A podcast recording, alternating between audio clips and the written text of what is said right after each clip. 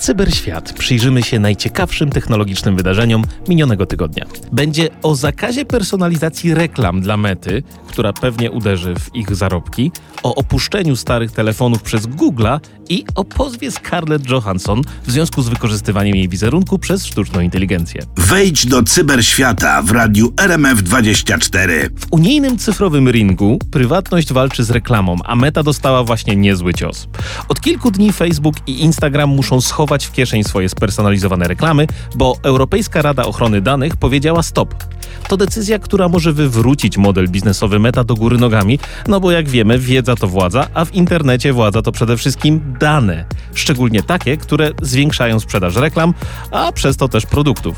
Ale nie liczcie na to, że reklamy pójdą sobie na emeryturę. Meta już sobie ostrzy zęby na obejście tych regulacji i mówi się o wersji premium dostępu do ich usług bez reklam. Spółka matka Facebooka i Instagrama w Irlandii musi teraz zapiąć pasy i dostosować się do nowych zasad w ciągu kilku najbliższych dni. Najpierw Twitter, czy tam X, ogłosił plany dostępu do swoich usług za dolara rocznie. Teraz Meta zapowiada wstęp do swoich usług premium, gdzie no nie będzie reklam. Google podnosi ceny za YouTube'a premium. Dla mnie to wszystko to jest pewien trend. Firmy technologiczne próbują utrzymać swoje zarobki, które prawdopodobnie stracą już wkrótce właśnie na reklamę. Cyberświat, czyli przegląd technologicznych newsów tygodnia, tylko w radiu RMF24. Google Chrome, który jest liderem wśród internetowych przeglądarek, z sentymentem macha ręką na pożegnanie Androidowi Nougat i w nowych wersjach nie będzie go wspierać. Nougat to jest nazwa siódmej odsłony systemu Android, która zadebiutowała na rynku w 2016 roku, więc dobrych parę lat temu. Dzisiaj mamy do czynienia z sytuacją, w której zapewne utrzymanie odpowiedniego poziomu bezpieczeństwa na tak starych systemach jest po prostu dla Google'a zbyt kosztowne, no i niestety nic nie trwa wiecznie. Najnowsza wersja Chroma, która ma numerek 119, już niebawem przestanie być kompatybilna z tym starszym Androidem. To znaczy, że jeżeli na waszym smartfonie czas zatrzymał się na Nugacie, to Google Chrome też postanowił, że pora się zatrzymać. A co to oznacza w praktyce? Ano to, że jeżeli chcecie nadal surfować po sieci w pełni bezpiecznie i na bieżąco mieć najnowsze aktualizacje, to czas pomyśleć albo o aktualizacji systemu, albo, co bardziej prawdopodobne, o nowym telefonie lub też innej przeglądarce. Pamiętajcie, że w świecie Androida każdy producent dyktuje swoje własne warunki aktualizacji, więc warto śledzić, czy wasz sprzęt jeszcze się trzyma i czy możecie się zaktualizować do nowszych wersji. Jeszcze miesiąc temu powiem wam, że ten news nie wzburzył mnie jakoś specjalnie, bo w mojej bańce informacyjnej i wśród znajomych większość osób ma w miarę nowe telefony z nowymi wersjami Androida. Jako, że jednak niedawno wróciłem z Kenii, gdzie miałem okazję pomagać w zakresie bezpieczeństwa, przekonałem się, że nie wszędzie jest tak różowo. Szacuję, że gdzieś połowa osób, które tam jest, korzysta ze starszych, ale ciągle nieźle działających telefonów i prawdopodobnie stanie się mniej bezpieczna. I tak pewnie z perspektywy dużej firmy takiej jak Google, może i to wygląda rozsądnie, żeby porzucić ten stary system, bo to tylko jakiś mały procent użytkowników, którzy korzystają z tych starych, starych wersji Androida. Dla mnie jednak jest to takie trochę trudne, bo wiem, że tamci ludzie nie mogą sobie pozwolić na takie zmiany. Dlatego też, jeżeli macie stary telefon, to albo poszukajcie nowej przeglądarki, jak na przykład Firefoxa albo Brave'a, albo niestety trzeba uzbierać na nowy. Mateusz Chrobok i Cyberświat, tylko w radiu RMF24. Scarlett Johansson ruszyła do boju przeciw twórcom aplikacji AI, która wykorzystała jej wizerunek nie pytając o zdanie. Wyobraźcie sobie, że oglądacie jakąś reklamę i nagle bam! Scarlett mówi do was z ekranu, tylko że to nie do końca Scarlett, a jej cyfrowy klon stworzony przez Liza AI. No i tutaj pojawia się pytanie o granice wykorzystania AI. Kiedy jeszcze to jest taki podziw dla gwiazdy, a kiedy to już jest kradzież wizerunku? No i przejdźmy do sedna. Sama reklama prezentuje Scarlett w scenie z zakulis, która zachęca do śledzenia tego, co robi. Potem nagły zwrot akcji, przejście do zdjęć wygenerowanych przez AI i głosu, który prawie jak Scarlett, no ale wiadomo, że to jednak nie jest ona. Małym druczkiem na dole możemy przeczytać, że to nie jest ona, no ale właśnie, nie wiem jak wy, ale ja tam takiego małego druczku czasem po prostu nie widzę. Więc sprawa w tej chwili jest już w sądzie. A sam adwokat gwiazdy Kevin Jorn zapowiada zero tolerancji dla takich sztuczek. I chociaż prawnie to jest wciąż szara strefa, to takie gwiazdy jak Tom Hanks już teraz ostrzegają fanów przed takimi działaniami. To może i wszystko tak zabawnie brzmieć. Ale wyobraźcie sobie, że pewnego dnia wasze deepfake'i zaczną w internecie własne życie i zaczną mówić albo też robić rzeczy, których byście nie chcieli. Cyberświat w radiu RMF24. Prezydent Stanów Zjednoczonych Joe Biden ogłosił w tym tygodniu nowe prawo wprowadzone w formie Executive Order dotyczące sztucznej inteligencji. Nazwane to zostało Safe, Secure and Trustworthy Development of Use of AI, czyli mniej więcej po naszemu rozkaz dotyczący bezpiecznego i godnego zaufania użycia i rozwoju sztucznej inteligencji. By przybliżyć nam, co też ciekawego w tym dokumencie się znajduje, zaprosiłem dzisiaj doktora Michała Nowakowskiego, pełniącego rolę Council w Rymarz z Dord Maruta, a także CEO Governed AI, by przybliżyć nam temat. Halo, halo, cześć Michale. Cześć, dzień dobry, witam serdecznie. Powiedz mi, Michale, co tam ciekawego jest w ogóle w, tej, w tym nowym orderze, w tej nowej regule, która została wprowadzona?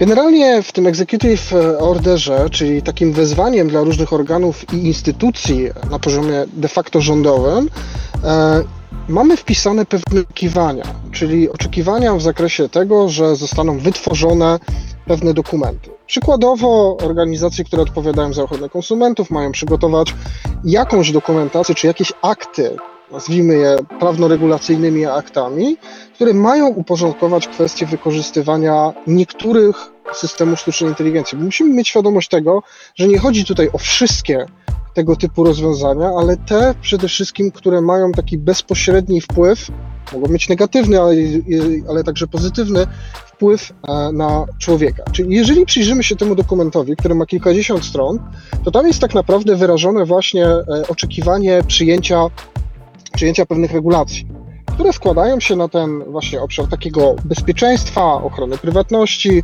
ochrony praw człowieka. No oczywiście jest tego e, zdecydowanie, zdecydowanie więcej. E, I jest to o tyle też istotne, że to nie jest tak naprawdę jakieś kompleksowe rozwiązanie w zakresie budowania ram prawnych na poziomie Stanów Zjednoczonych. Dlatego, że w dalszym ciągu nie ma tutaj bardzo istotnego udziału kongresu który mógłby stanowić prawo właśnie na poziomie takim federalnym, obejmującym de facto całe Stany Zjednoczone. Plus do tego nadal każdy ze Stanów może mieć swoje prawo lokalne, mhm. które niekoniecznie mógł spełniać tak naprawdę te oczekiwania, które zostały wyrażone w Executive Order. To oczywiście nie znaczy, że tak będzie, tak? Natomiast e, to jest taki, powiedziałbym, pierwszy poważny krok do tego, żeby zbudować te ramy ten executive order tych ram jeszcze nie tworzy. Ale to, co też jest istotne, to to, że są dość krótkie terminy na przygotowanie właśnie tych regulacji, nazwijmy to, nie wiem, rekomendacji, czy jakichś konkretnych aktów a, władczych różnych organów, e, e organów czy, e, czy instytucji. Oczywiście możemy z tego też wyciągnąć pewne zasady, one są dość zbliżone do tego, co mamy w kontekście Unii Europejskiej i sztucznej inteligencji godnej zaufania. Nie w każdym mhm. oczywiście obszarze, ale zasadniczo do tego się to sprowadza. To zaraz do Unii Europejskiej jeszcze przejdziemy, bo wiesz co, to, to, że to jest executive order, a nie jest to przyjęte przez kongres, to pokazuje, że chyba trochę im się spieszy, bo wiesz, chcą zareagować na to, co się dzieje z AI. A powiedz mi, czy z twojej perspektywy, tak po przeczytaniu tego, to jest coś, co będzie przyspieszało rozwój w Stanach Zjednoczonych, czy raczej hamowało?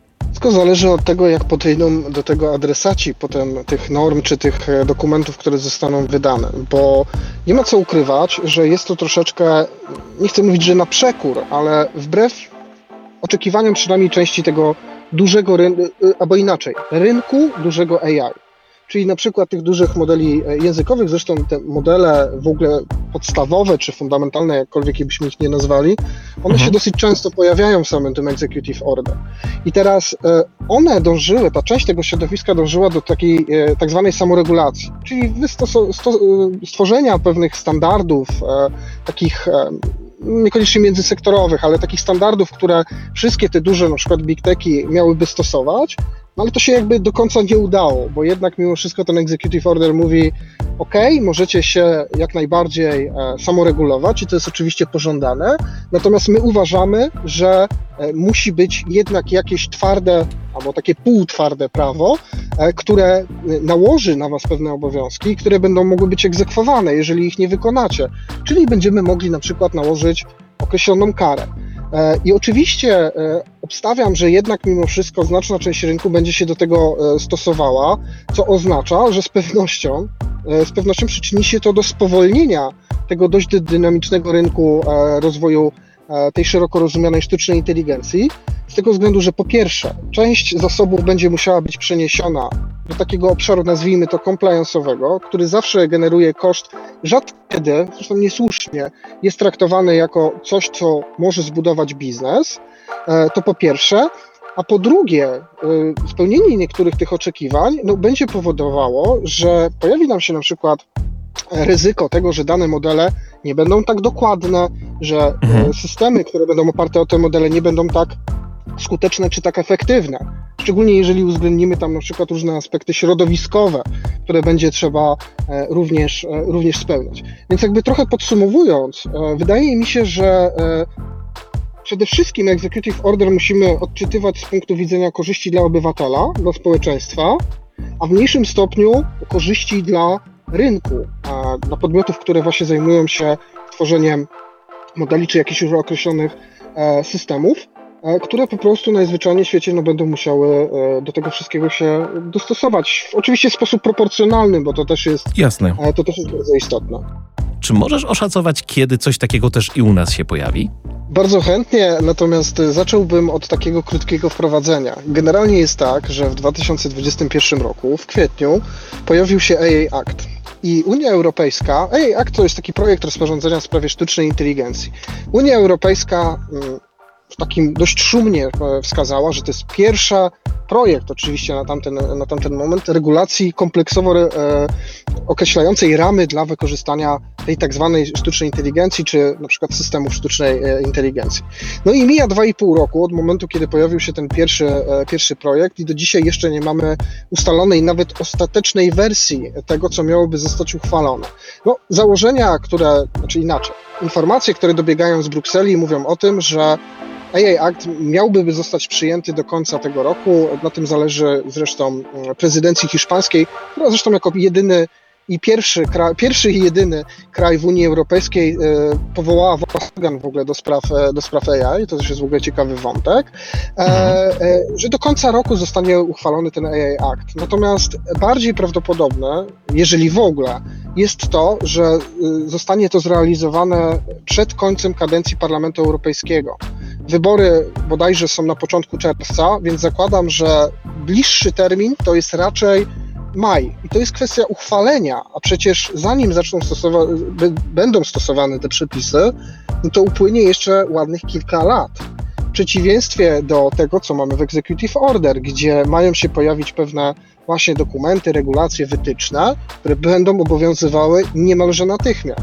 Czyli innymi słowy, już tutaj będziemy mieli dość duży rozjazd. Ja szacuję, że przyjęcie takich przepisów mm, to będzie mniej więcej 2020, znaczy nie przyjęcie, przepraszam. E, moment, w którym będziemy musieli ogłoszenia. stosować te przepisy, nawet Aha. nie ogłoszenia, tylko już samego stosowania, bo to jest istotne z punktu widzenia odbiorców, e, to jest 2026, może 2027 rok, czyli powiedziałbym jeszcze dość odległa przyszłość. Mogę się oczywiście mylić, ale dostosowanie się do wymogów, które są określone w AI Act, nie tylko będzie kosztowne, ale będzie wymagało naprawdę ogromnej pracy. Michale, to jeszcze jedno takie ostatnie pytanie, bo wiesz, są głosy z dwóch stron. Z jednej strony, które mówią, że fi duże firmy, które lobbowały za tym wprowadzaniem ograniczeń, jak Microsoft, OpenAI i inne, one trochę na tym zyskają. Czy twoim zdaniem to jest coś pozytywnego, czy też nie, patrząc z perspektywy takiej równowagi sił? Na pewno tak, ponieważ ten, kto ma większy budżet, zawsze ma większe możliwości. I w sytuacji, w której e, realizujemy e, pewien obowiązek względem obywatela, względem społeczeństwa, nakładając jakieś pewne ograniczenia na podmioty, musimy mieć świadomość tego, że te ograniczenia będą nakładane nie tylko na te największe firmy, ale również na te mniejsze. Akurat w AI Akcie, akurat w tym projekcie właśnie rozporządzenia w sprawie sztucznej inteligencji są pewne wyłączenia względem na przykład małych i średnich e, przedsiębiorstw, ale jednak w dalszym ciągu będą one musiały się do pewnych obowiązków dostosować. Teraz to jest jakby pierwsza perspektywa, no czyli mhm. zasadniczo będziemy musieli wszyscy ponieść mniej więcej takie same koszty, oczywiście proporcjonalnie do naszej działalności.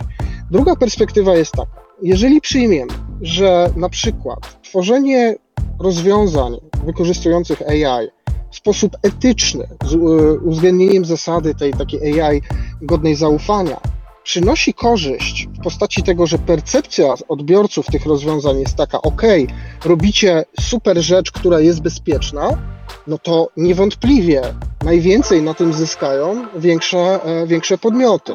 E, mhm. One oczywiście, one, tu jest jeszcze oczywiście też trzecia taka perspektywa, e, czy rzeczywiście będzie tak zwane enforceability, czyli tak naprawdę możliwość egzekwowania tych przepisów, szczególnie jeżeli mówimy o rozwiązaniach, które mają globalny charakter. Jeżeli one mają globalny charakter, no to pojawia się pytanie, kto na przykład będzie miał wyciągać konsekwencje, w jaki sposób będziemy mogli na przykład żądać e, ujawnienia informacji co do tego, jak pewne obowiązki realizowaliśmy, nie wiem, w zakresie zarządzania ryzykiem, przeprowadzenia, tak jak to w AI Act jest przewidywane w tej chwili, tak zwanego Fundamental Rights Impact Assessment, czyli takiej oceny skutków dla praw podstawowych, zresztą bardzo ciekawa e, koncepcja, więc tutaj e, będzie z pewnością e, spore, spore wyzwanie i obawiam się trochę, że te mniejsze podmioty będą miały e, po prostu najzwyczajniej w świecie pod górkę. Zdecydowanie łatwiej będzie je można audytować, kontrolować czy nadzorować, niż te największe, największe podmioty. Bardzo dziękuję. To był dr Michał Nałkowski. Dziękuję Ci za podzielenie się z nami swoją wiedzą. Dobrze wiedzieć, że prawo zaczyna powoli nadążać za technologią. Jest chociaż taka we mnie nutka niepewności co do tego, że pomiędzy samym efektem tego, jak to działa, a tym, jak prawo będzie w stanie to egzekwować, rzeczywiście jest duża luka. Niemniej e, mam nadzieję, że drodzy słuchacze, jesteście bliżej tego tematu, tak jak ja. Dzięki Ci jeszcze raz i do usłyszenia. Dziękuję bardzo. Do usłyszenia. Pozdrawiam. Mateusz Chrobok i Cyberświat. Tylko w radiu RMF24. Aplikacja M-Obywatel, która z powodzeniem zagościła już na naszych smartfonach, znowu zaskakuje. Wśród wrześniowych nowości znalazło się coś dla tych, którzy chcą mieć czyste płuca, czyli funkcja monitorowania jakości powietrza. Dla zmotoryzowanych M-Obywatel zdradzi teraz historię waszego czterokołowca ja przyznam czasem z tego korzystam, jak zapomnę swojego numeru rejestracyjnego. Nieco dla mnie zaskakująco, ale też niezmiernie praktycznie brzmi to, że aplikacja da teraz szansę na umówienie e-wizyty w ZUS-ie. Niestraszne już będą kolejki, wystarczy kilka kliknięć. M-Obywatel przybliża też szczegóły na temat nowych przepisów drogowych. Od września zmieniły się zasady dotyczące punktów karnych, a aplikacja obiecuje, że pomoże w ich zrozumieniu. Można było zrobić prostsze prawo, no ale e, jest jeszcze jedna ciekawostka z Unii Europejskiej. Prace nad cyfrowym, międzynarodowym prawem jazdy ruszyły pełną parą. To zaś oznacza, że niebawem nasze dokumenty mogą stać się tak mobilne jak my sami, bez potrzeby zabierania ich w papierowej wersji. Wyobraźcie to sobie. Polska i 19 innych krajów testuje tę przyszłość. W M-Obywatelu wejdzie to zapewne w życie po samym pilotażu, który kończy się w kwietniu 2025 roku i ja przyznam szczerze, że od lat już nie noszę ze sobą portfela, a M-Obywatel jest po prostu wygodny. Gdyby tak tylko akceptowali go wszędzie. Cyberświat w radiu RMF24. Ostatnio politycy w Stanach Zjednoczonych nie zostawili suchej nitki na Microsoftie. Dostało im się za niedostateczne zabezpieczenia, które pozwoliły hakerom z Chin na kradzież pewnego klucza szyfrującego. Mówimy tutaj o kluczu, który jest taką przepustką do danych użytkowników, a złodzieje z państwa środka wykorzystali to, żeby podejrzeć ważne osoby w Stanach Zjednoczonych. Microsoft wdraża więc teraz plan, według którego klucze będą przechowywane w sprzętowych modułach bezpieczeństwa, które z angielskiego nazywają się HSM, z których po prostu nie da się ich wyjąć. Krytycy tacy jak senator Ron Wyden wytykali firmie łatwowierność w kwestiach bezpieczeństwa. No więc cóż, no lepsza późna reakcja niż brak reakcji, prawda? Brad Smith z Microsoftu mówi o tym jak o odpowiedzi na wyrafinowane ataki hakerskie i zapowiada, że klucze będą teraz tak bezpieczne jak Fort Knox, szyfrowane wszędzie, w spoczynku, w ruchu i nawet podczas obliczeń. Co więcej, klucze będą się automatycznie zmieniać bez żadnej ingerencji człowieka. Microsoft reaguje tym samym na majowe doniesienia o ataku chińskich hakerów na infrastrukturę w Guam i USA, gdzie w grę wchodziła infrastruktura usług chmurowych, w tym także tej firmy. Badacze bezpieczeństwa są dość zdziwieni, że Microsoft tak zarządzał tak ważnymi kluczami, ale podobno teraz ma już być lepiej. Nawet największym zdarzają się spadki. A jak zwykle wprowadzenie bezpieczeństwa dopiero po szkodzie jest droższe, no bo powoduje też straty wizerunkowe.